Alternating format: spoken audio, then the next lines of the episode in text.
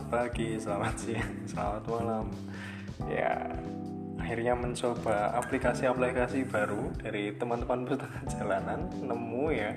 Tapi ini bingung mas, mas saya um, pakai angkor tapi anchor, anchor, angkor, pakai anchor tapi uh, saya pilih deskripsi untuk bahasa adanya bahasa Jawa, wah nggak ada bahasa Indonesia. Ini karena aplikasinya tahu mungkin saya uh, apa ya namanya ngapak ya. Bukan medok kalau medok itu Jawa sana medok gitu ya. Kalau saya kan Banyumas jadinya ngapak ya. Uh, dialeknya itu seperti ini berantakan nih campur-campur bahasa Indonesia. Ya uh, kalau tapi kan kalau orang Banyumas ngomong gue gue lu nggak nggak cocok ya. Lu udah udah udah madang belum ya gitu kan? Nggak cocok. Nggak usah campur-campur ya. Ya bertemu lagi dengan saya Kevin. Uh, akhirnya uh, saya menemukan state yang pas untuk memulai podcast rutin. Asik. Nah karena mulai podcast rutin maka pembahasannya juga harus banyak harus rutin. Nah saya bingung mau bahas apa. Ya mau bahas sosial politik di, dikira nanti uh, dikira nanti apa ya namanya apa namanya nggak punya bahan karena semua semua semua orang bahas mau bahas hal-hal yang bersifat pribadi nggak pengen. Apa yang bisa dieksplor dari uh, kehidupan saya sehari-hari nggak ada. Mau update tentang uh, bidang yang saya sukai filosofi gitu ya. Takut orang-orang gak mudeng. Orang saya aja gak mudeng kalau filosofi. Ya baiklah saya uh, mau membahas eh, hal-hal uh, yang setahu saya sepengalaman saya gitu aja ya. Maka dari itu kita kali ini akan membahas tentang pendidikan yaitu problem utama tentang pendidikan. Ini uh, kalau kalau membahas tentang permasalahan di dunia pendidikan itu terkesannya masalah yang uh, suatu bahasan yang tua sekali yang yang klise yang klasik. Tapi secara bersamaan itu up to date. Kenapa? Karena masalahnya udah dari dulu tapi sampai sekarang belum selesai. Maksudnya mudengnya ya. Ya yang yang terutama adalah yang terutama adalah tentang uh, pemerataan. Nah, maksudnya pemerataan gimana sih? Kayak gini Teman-teman bayangin, uh, banyak sekali permasalahan pendidikan yang diperjuangkan oleh praktisi-praktisi pendidikan. Tetapi uh, kalau saya menilai concernnya itu, uh, maksudnya apa ya? Fokusnya itu masih masih di tentang sistem lah, ya apalagi tentang sistem, sarana prasarana dan sebagainya.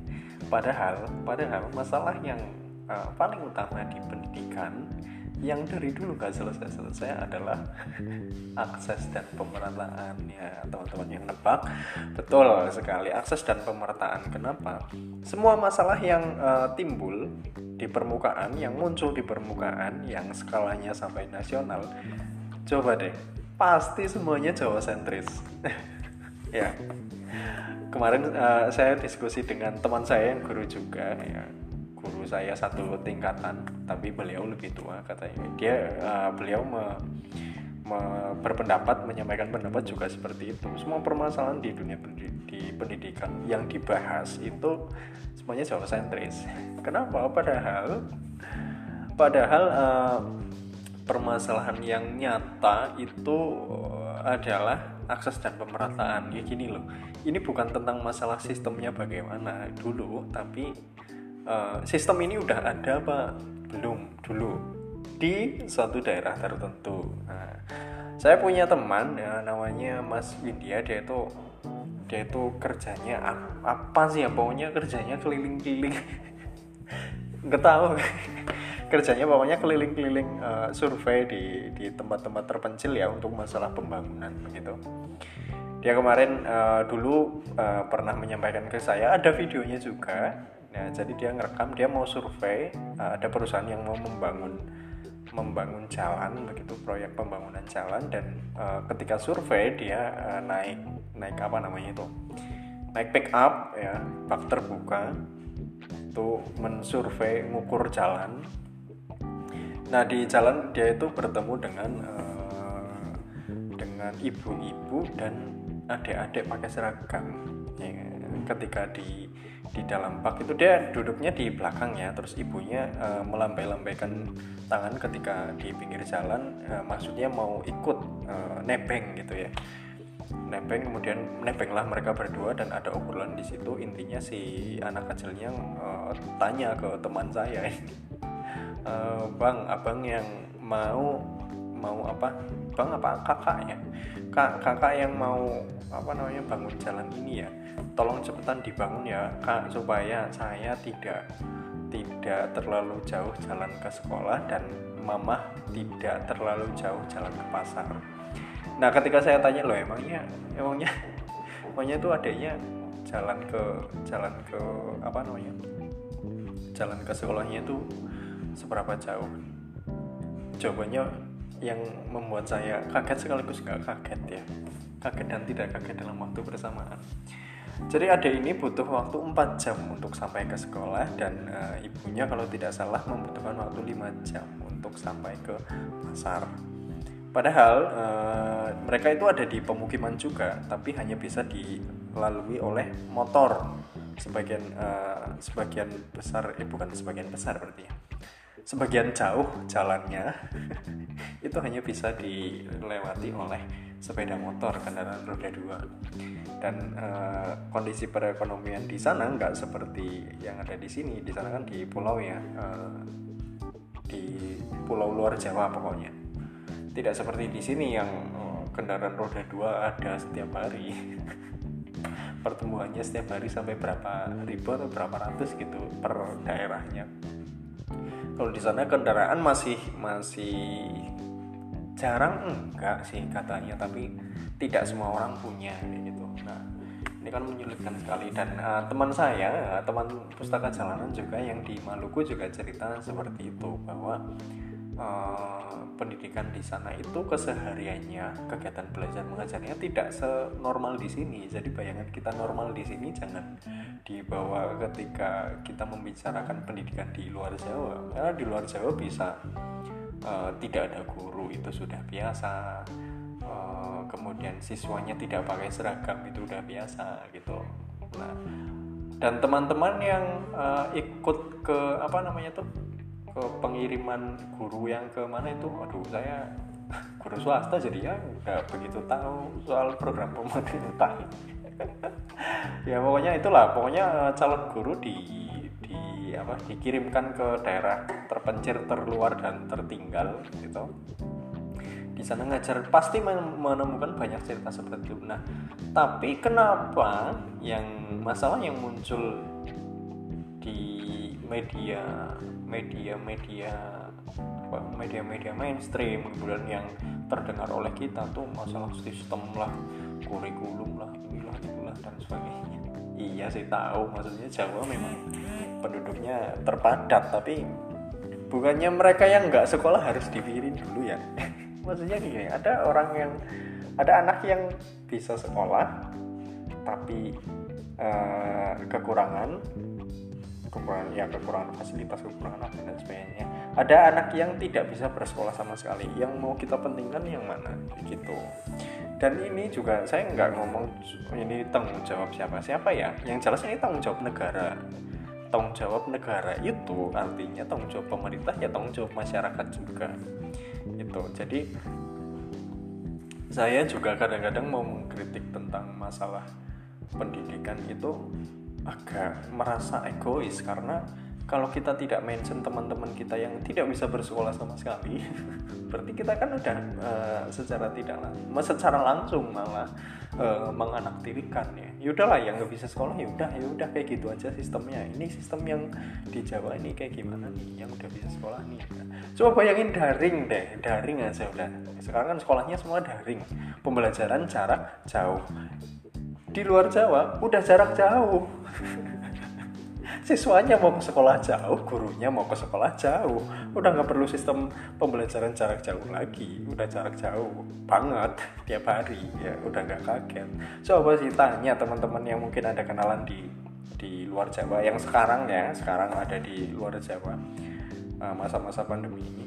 Mereka udah biasa udah biasa dengan kesulitan yang kita hadapi sekarang di Jawa. Kesulitan tentang uh, jarak lah kesulitan tentang apa namanya tidak boleh ini tidak bisa itu dan sebagainya. Kalau di luar Jawa udah biasa pak. Di luar Jawa itu udah bisa sekolah udah syukur. Nah, dikasih materi ya udah syukur. Kalau di sini bagaimana caranya? Ya kayak gitu.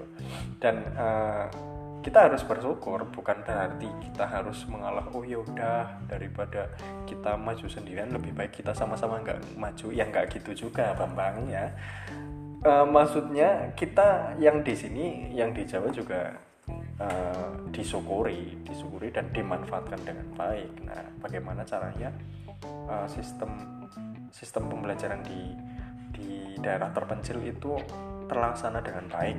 Nah itu juga yang harus nah, kita pikirkan. Baik sebagai masyarakat ini nggak nggak cuma tanggung jawab siapa dan siapa ya tapi tanggung jawab semua orang loh karena kan kita satu bangsa ya satu satu negara ini satu satu kesatuan. Kita orang Indonesia semuanya yang di Maluku ya orang Indonesia yang di Sumatera ya orang Indonesia yang di uh, Balikpapan eh Balikpapan yang di mana namanya? Yang di Kalimantan itu juga orang orang-orang Indonesia. Makanya tanggung jawab bersama.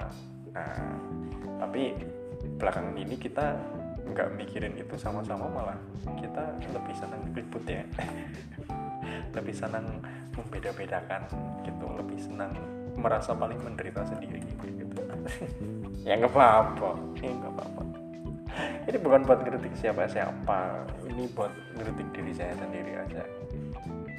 Maka dari itu uh, bayangin kalau misalnya uh, pembelajaran jarak jauh ini bisa dilaksanakan di sampai ke pelosok-pelosok sana. Uh, mau nggak mau uh, batas jarak itu di sana jadinya terpotong akhirnya ter teratasi dengan sendirinya. Kalau kita memang benar-benar belajar dari masa-masa uh, sekarang kayak gitu.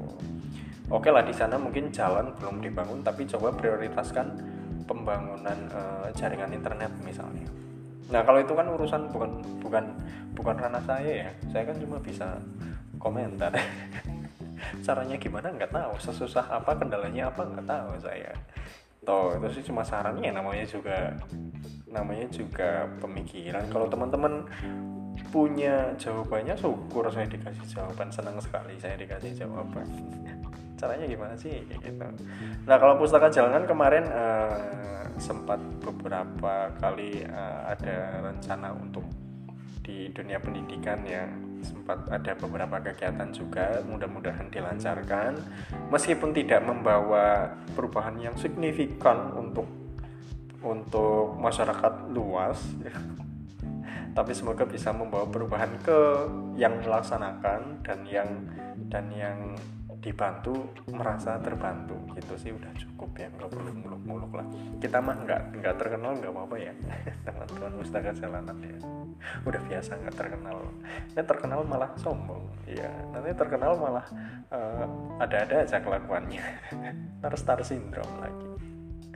Oke jadi itu uh, masalah utama pendidikan bukan di sistem bukan di kurikulum bukan di apa yang lain tetapi masalah utama pendidikan adalah akses dan ketersediaan pendidikan itu sendiri uh, mengambil teori pendidikan uh, apa namanya itu hakikat pendidikan adalah memanusiakan manusia. Jadi kalau kita mau jadi manusia, kita harus mengenyam pendidikan. Sama dengan kebutuhan pokok, pendidikan juga adalah suatu kebutuhan yang harus ada. Tanpa pendidikan, maka peradaban kita akan stuck, peradaban kita akan berhenti, manusia berhenti berkembang, maka manusia berhenti hidup. Terima kasih sobat pustaka jalanan sudah mendengarkan. Terima kasih sobat sambil mikir sudah mendengarkan. Selamat siang, selamat malam, selamat sore, selamat pagi. Saya Kevin pamit sampai berjumpa di episode selanjutnya. Bye bye.